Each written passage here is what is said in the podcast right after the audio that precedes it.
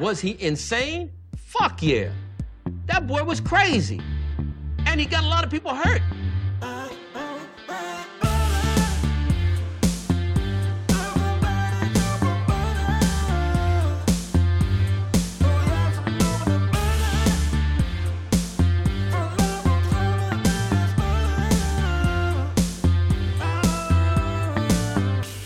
He doesn't like butter. I fucking love butter.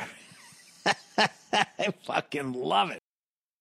What's up, motherfuckers? Welkom bij een nieuwe aflevering van de Zonde van Je Tijd podcast. Een podcast waarin ik niet alleen mijn eigen tijd, maar ook uw hele kostbare tijd verdoe met het uitkramen van absolute onzin. Ik hoop dat deze podcast u treft in een... Nee, dit staat te hard. In een blakende gezondheid, want er gaat uiteraard niks boven uw gezondheid.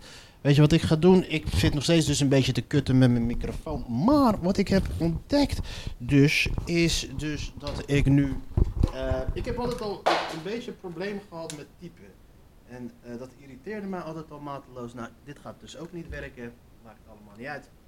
Jullie kunnen mij nu dus niet horen. Maar dit gaat ook allemaal niet werken. Maar ik had dus altijd al een probleem met typen. Omdat het, eh, het is gewoon vervelend. Je, je, je- krijgt last van je, van, je, van je gewrichten, van je houding. Je zit dan nog zo'n paar uur. Dan moet je weer rust nemen. Het fokt op met je creativiteit. Dus waar ik, waar ik dus een beetje aan een soort van zat te denken was... joh, ik heb toch allemaal opnamesoftware. Waarom ga ik daar niks mee doen? Dus heb ik een microfoon gekocht. Maar... Tuurlijk, je kan alles opnemen, opslaan en dan moet je dan allemaal terugluisteren. Maar het zou fijn zijn als je ook daar allemaal teksten van hebt. Maar kennelijk kun je dus via Word, eh, als je een Office abonnement neemt, een Family Office abonnement, kun je dus een eh, transcriptie eh, shit krijgen. Dan kan je per account kun je dus dan vijf, kun je dan 300 minuten per jaar, 300 minuten kan je van spraak naar tekst verwerken. En ehm, en dat is normaal, is het best wel duur in de winkel. eh, Bij, als je het bij speciale motherfuckers doet, is het best wel duur. Maar kennelijk, als je dus dan een office abonnement neemt, heb je voor, een, fam- family pakket. eh, als je een family pakket neemt van office, heb je. eh, even kijken. Heb je, kun je zes familieleden aan, kun je zes accounts aanmaken. En elk account heeft dus vijf uur waarmee je dus kan, die je dus kan gaan transcriberen elke maand. Dat is fucking goed nieuws voor mij, want dat betekent dus dag een uur gewoon kan gaan opnemen. Maar dan kan ik gewoon een uur slap ouwe hoeren, een uur praten. En dat wordt dan allemaal tekst. En dan kan ik daar weer verder gaan werken. En je kan het ook weer terugluisteren daarop. Het is gewoon perfect. Het is de beste shit wat er is. En dat ben ik nu een beetje aan het uitproberen. En, eh, maar dat neemt niks af natuurlijk van het feit dat we gewoon nog steeds doorgaan met het opnemen van onze podcast. En we zitten vandaag bij aflevering 150. En ik zie, ik merk dat het, eh, het geluid te hard staat. En die gaan we een beetje zachter zetten. Het geluid gaan we nu een beetje zachter zetten, want we gaan een beetje, au, een beetje luider, een beetje beter, een beetje losser praten. Nou, even kijken. Het is, eh, deze Bluetooth doen we ook uit, want die dient ook geen enkel doel nu op dit moment. Eh, ja, wat gaan we nieuws bespreken, motherfuckers? Dit wordt een ongemakkelijke podcast. Dat merk ik nu ook wel bij mezelf. Het wordt nu een klein beetje ongemakkelijk, maar dat maakt niet uit. Maar ik merk dus wel dat ik wel met meer kracht moet gaan praten, met meer energie moet gaan praten. Zodat mensen de fuck verstaan van wat je zegt. Eh, ja, een waardeloze podcast. Dit wordt echt een klassieke zonde van je tijd podcast. Aangezien het echt absoluut weer nergens over gaat. Maar hoe gives a fuck? Jochem Meijer krijgt zesde Toon Hermans prijs. Nou, gefeliciteerd eh, Jochem. Wat moest je met zes Toon Hermans prijzen? Pas er even eentje door dan, joh. Gek. Zie je, moet gewoon fucking hard werken. Het vlucht voor NAVO. Jochem Meijer werkt hard. Dat is het ding, Barry. Jij werkt niet hard. Jij bent een luie motherfucker. Ja, ja dus talent is fucked up. Talent is een fucked up iets te hebben. Je moet het beste, allerbeste talent wat je kan hebben is dat je hard moet werken. Maar ik heb volgens mij ooit, al- ooit al een keertje een hele zielige betoog gehouden over het feit hoe fucked up het is om mij te zijn. Over nee, over hoe fucked up het is om, om, om, om, om, achteraf tot het besef te komen dat je niet te hard genoeg hebt gewerkt. En dat je nu te maken krijgt met motherfuckers die dan shit over jou gaan bepalen. Maar ik moet zeggen dat bepaalde dingen achteraf wel een beetje lekker beter en beter aan het uitdraaien zijn. Maar achteraf gezien, nu de wereld toch naar de kloten gaat, maakt het nu allemaal toch niet meer uit. Al die foute beslissingen die ik vroeger had genomen. Al die tijd dat ik gewoon liever op mijn reeds, luie reet zat dan dat ik echt arbeid ging verrichten. Wat maakt het nou uit? Zogenaamd voor mijn toekomst. Wat maakt het uit? Het maakt toch niet meer uit, want de wereld gaat toch naar de tyfus. Ehm, we beginnen met de kille cijfers. Een column van column, columnist Haroon Ali. Anderhalve week voor Toumaj Salihi werd gearresteerd, gaf de kritische rapper en activist een interview over de censuur in Iran. Ondanks de hevige repressie woedt daar al twee maanden revolutie om het regime omver te werpen. We zien op social media maar een fractie van de opstand, legde Salihi uit. Demonstranten laten hun mobieltje vaak thuis, zodat ze niet door agenten zijn te identificeren. Ah, fijn. Ja, dat is fucked up. De situatie in Iran nu, ik las gisteren dus... Oh, dat las. Dat ze een paar duizend mensen nu gaan opgehangen. Sommige mensen zeggen dus dat waarschijnlijk dat het te maken dat het wel heel weer toevallig is dat er weer een opstand is in Iran. Nu net dit gezeik weer in Oekraïne, Rusland. Iran steunt Rusland. Maar ja, het kan ook wel heel toevallig zijn. Het is wel weer toevallig dat er wel weer in de dictatuur wel weer dezelfde mensen een revolutie houden tegen een regering die zelf ook eh, in de, aan de macht is gekomen. Na aanleiding van een revolutie. Ehm, explosie door Oekraïnse luchtdoorraket. NAVO gaat uit van een ongeluk. Nou, dit, deze krant die loopt dus eh, praktisch een dag achter. Gisteren nog, eh, toen het gedrukt werd, wisten ze nog, eh, gingen ze nog vanuit het, wisten ze nog niet wat het was. Maar toen wisten wij al natuurlijk over wat het was, want wij leven in de toekomst. Uitspraak over MH17 sluit de zaak nog niet af. Oh ja, dat is gisteren natuurlijk geweest. Het is echt een nachtmerrie voor. ah, kijk, ik, ik wou gelijk weer naar mezelf toe draaien. Oh, het is echt een nachtmerrie voor iedereen met vliegangst zoals ik. Terwijl het letterlijk gewoon gaat familieleden die er naartoe moesten gaan. Er is geen grotere nachtmerrie dan kinderen dat soort shit allemaal verliezen met zoiets. Geliefdes dat soort shit. En ik voel het weer over mezelf van, oh kijk, ik ben zielig. Oh, die- MH17 was zo verschrikkelijk voor iemand met vliegangst zoals ik. Ja. Het is wel bitchy, maar vliegangst hebben is best wel bitcherig. Want dat is de meest, meest veilige manier van vliegen natuurlijk. De rechtbank doet vandaag, meer dan 2,5 jaar na de start van het proces, uitspraak in de zaak tegen de vier verdachten van het neerhalen van de MH17. Nabestaande Piet Ploeg, voorzitter van Stichting Vliegramp MH17, hoopt dat ze met de uitspraak antwoorden gaan komen voor de nabestaanden. Maar met het, wat, met het woord afsluiten heb ik niks, waarschuwt hij. Dat is vrij logisch. Vooral natuurlijk ook omdat die motherfuckers gewoon nog niet gepakt zijn. Volgens mij, ik las laatst dus dat eh, een van die gasten die verdacht wordt van deze shit... door Poetin naar het front is gestuurd om de leider uit te hangen van, de, van, het, eh, van het o zo geweldige, eh, geweldige eh, speciale militaire operatie van hem.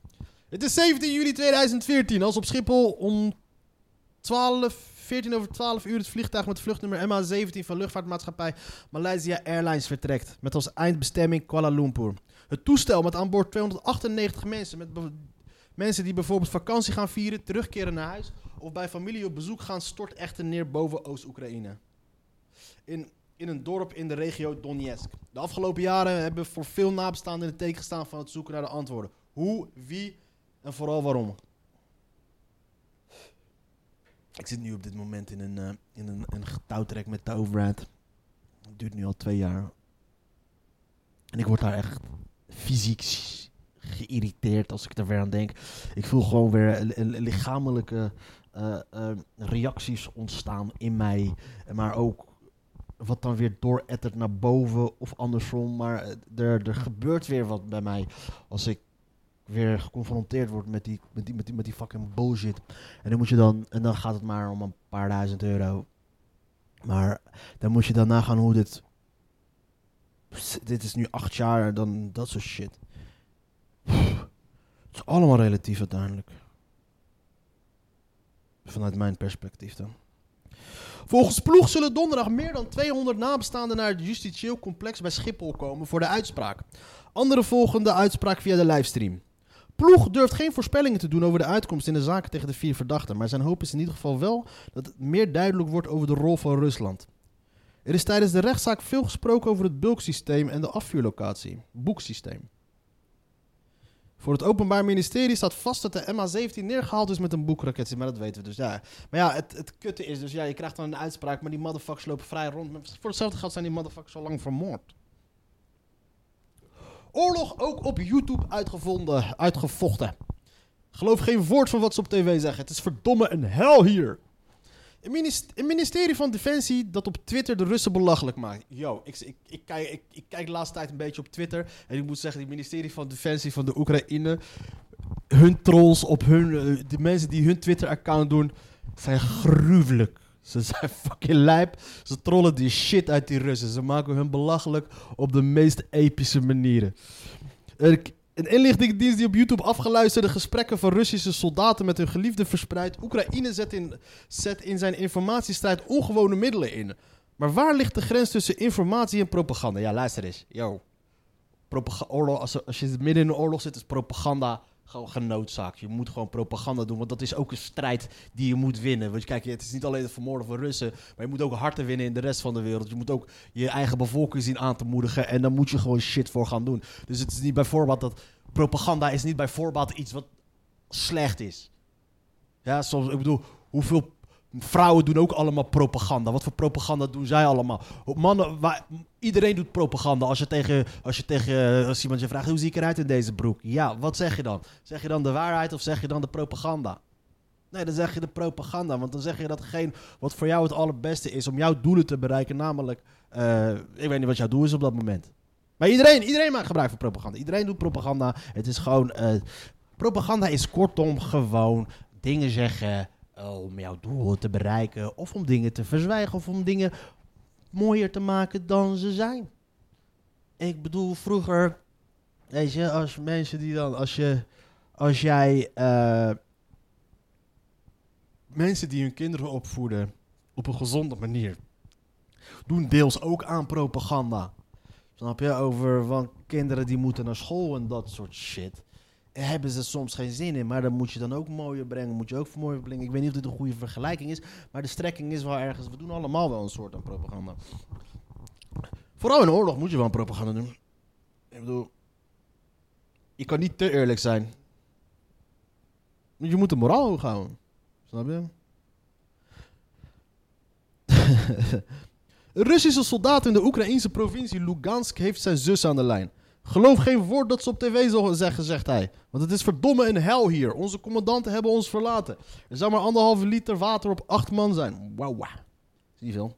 In een video van een half jaar geleden vertelt een soldaat dat hij ervan genoot martelingen uit te voeren, die hij tot in de gruwelijkste details beschrijft. Zijn moeder lacht en zegt dat ze waarschijnlijk hetzelfde zou doen in zijn plaats. We snijden alle vingers en tenen open langs botten, vertelt hij. Ook het geslachtsdeel volgt. Dat heet 21 rozen op een mannelijke lichaam, lacht hij. Ja, dat klinkt dan wel weer als, als, eh, als, eh, als propaganda. Eh, ten eerste, want wie vertelt dat tegen zijn moeder? Ten eerste. En ten tweede, als hij het vertelt tegen zijn moeder, dan wie gaat zal dus daarom lachen?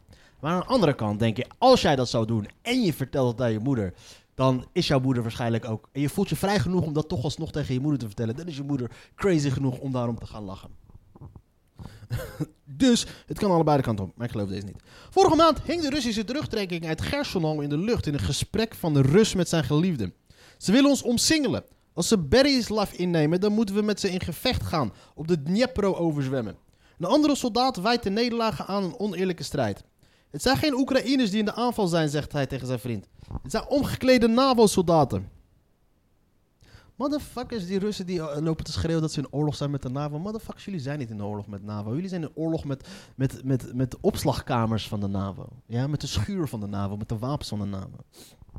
Een enorme wanorde.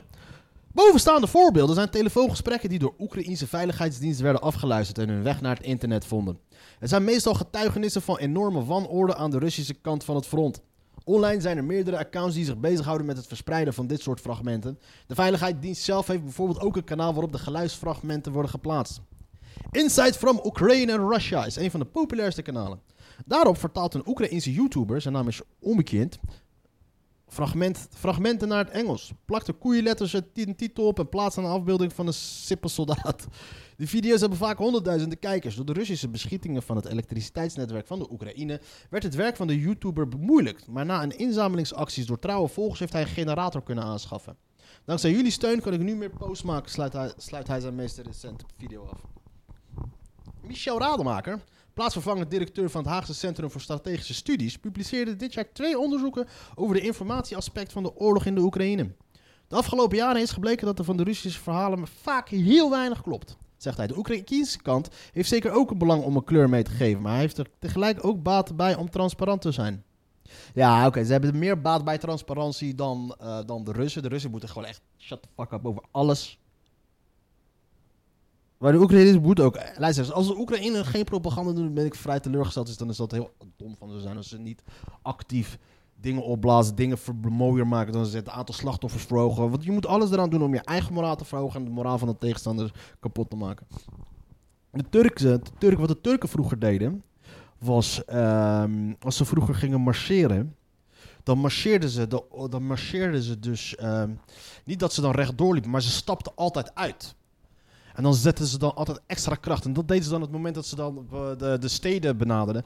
Want als ze dan telkens die extra stap zetten naar, naar uitstapten, zo naar rechts en dan naar links, dan zet je extra kracht bij, waardoor dat echt droef. En dan is dat veel indrukwekkender. Dan lijkt je met veel meer mensen dan normaal. Genghis Khan bijvoorbeeld, die, ging, eh, die liet, als hij ergens een kampement liet staan, dan ging die vroeger, liet hij, liet hij, al, zijn, eh, liet hij al zijn soldaten liet hij vier vuurtjes stoken. Liet hij vier kampvuurtjes stoken, zodat zijn, kampen, zodat, zodat zijn kamp gigantisch veel groter leek. Allemaal propaganda. Ehm, daar zit de westerse nieuwsconsument tussen. De een zal de afgeluisterde berichten in de wind slaan en zeggen dat ze nep zijn. Bij de andere gaan de berichten erin als zoete koek. Rademaker noemt het ongebruikelijk dat een inlichtings- in- inlichtingendienst zo open kaart speelt. Zodra je iets publiceert, geef je twee dingen prijs, zegt hij. Je bron en je methode. De HCSS-man denkt dat het gebeurt om een signaal af te geven. Dat ze erover communiceren betekent dat ze een stempel willen zetten. We, we willen weten wat er aan de hand is. Oké, ah, fijn. Dit stukje is niet meer leuk. Pam, pam, pam. Dus dat. Iedereen doet dat propaganda. Dat is allemaal belangrijk. Eh, Gelderland mag voorlopig niet met paintball op wolf schieten. Ah, kom op man. Dat worden fucking dikke vette bedrijfsuitjes. Gewoon, wat gaan we doen? Paintballen. Wie trekt het pak aan? Ja, oké. moet die motherfucker moet dan een schapenpak aantrekken. En dat is dan de extra dimensie die we geven, zodat de wolf gaat dan jagen op de motherfucker die in die koeienpak loopt. En dan mag de rest op hem schieten. Dat is fucking Bachelor Party 101. Dat wordt fucking lachen. Wat gaan we schieten? We gaan paintballen op wolven. Maar jij gaat ook in een schapenpak. En zodat de wolf op jou jaagt. En wij jagen weer op de wolf. En als we eh, je niet grijpen, als wij de wolf niet grijpen, dan word jij gegrepen door de wolf. Dus dan is het, het is wel serieus. Rechter laat Amsterdamse kraat- krakers in pand rijke rust zitten. Ja, tuurlijk, maar waarom? Laat de fuck die rust. Kamervoorzitter buitenschot. Oppositiepartijen in de Tweede Kamer hebben de meeste kritiek op een onderzoek naar het uitkomen van... Ja, tuurlijk. Kijk, luister. Die Vera...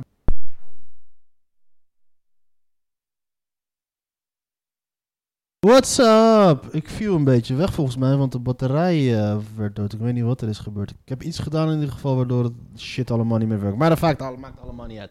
Iets over Bulgarije of zo maakt niet uit. Republikeins dilemma. Eh, ja, Donald Trump heeft natuurlijk zich eh, weer verkiesbaar gesteld. En dat wordt, om in de woorden van Saïd van, van La Haine te, spreken... C'est la fête. Nooit tonen dat je zwak staat. Of dat je twijfelt. Die houding, samen met de rotsvaste vertrouwen dat chaos hem altijd goed uitkomt, verklaart waarom Donald Trump bekend maakte dat hij voor de derde keer kandidaat is voor de presidentschap van de Verenigde Staten.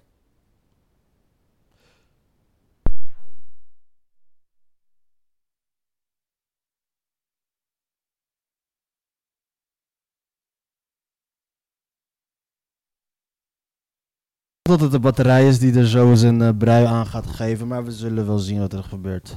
Eh, pas als mensen hadden op hem af. Ik heb gelijk geen zin meer om het op te nemen.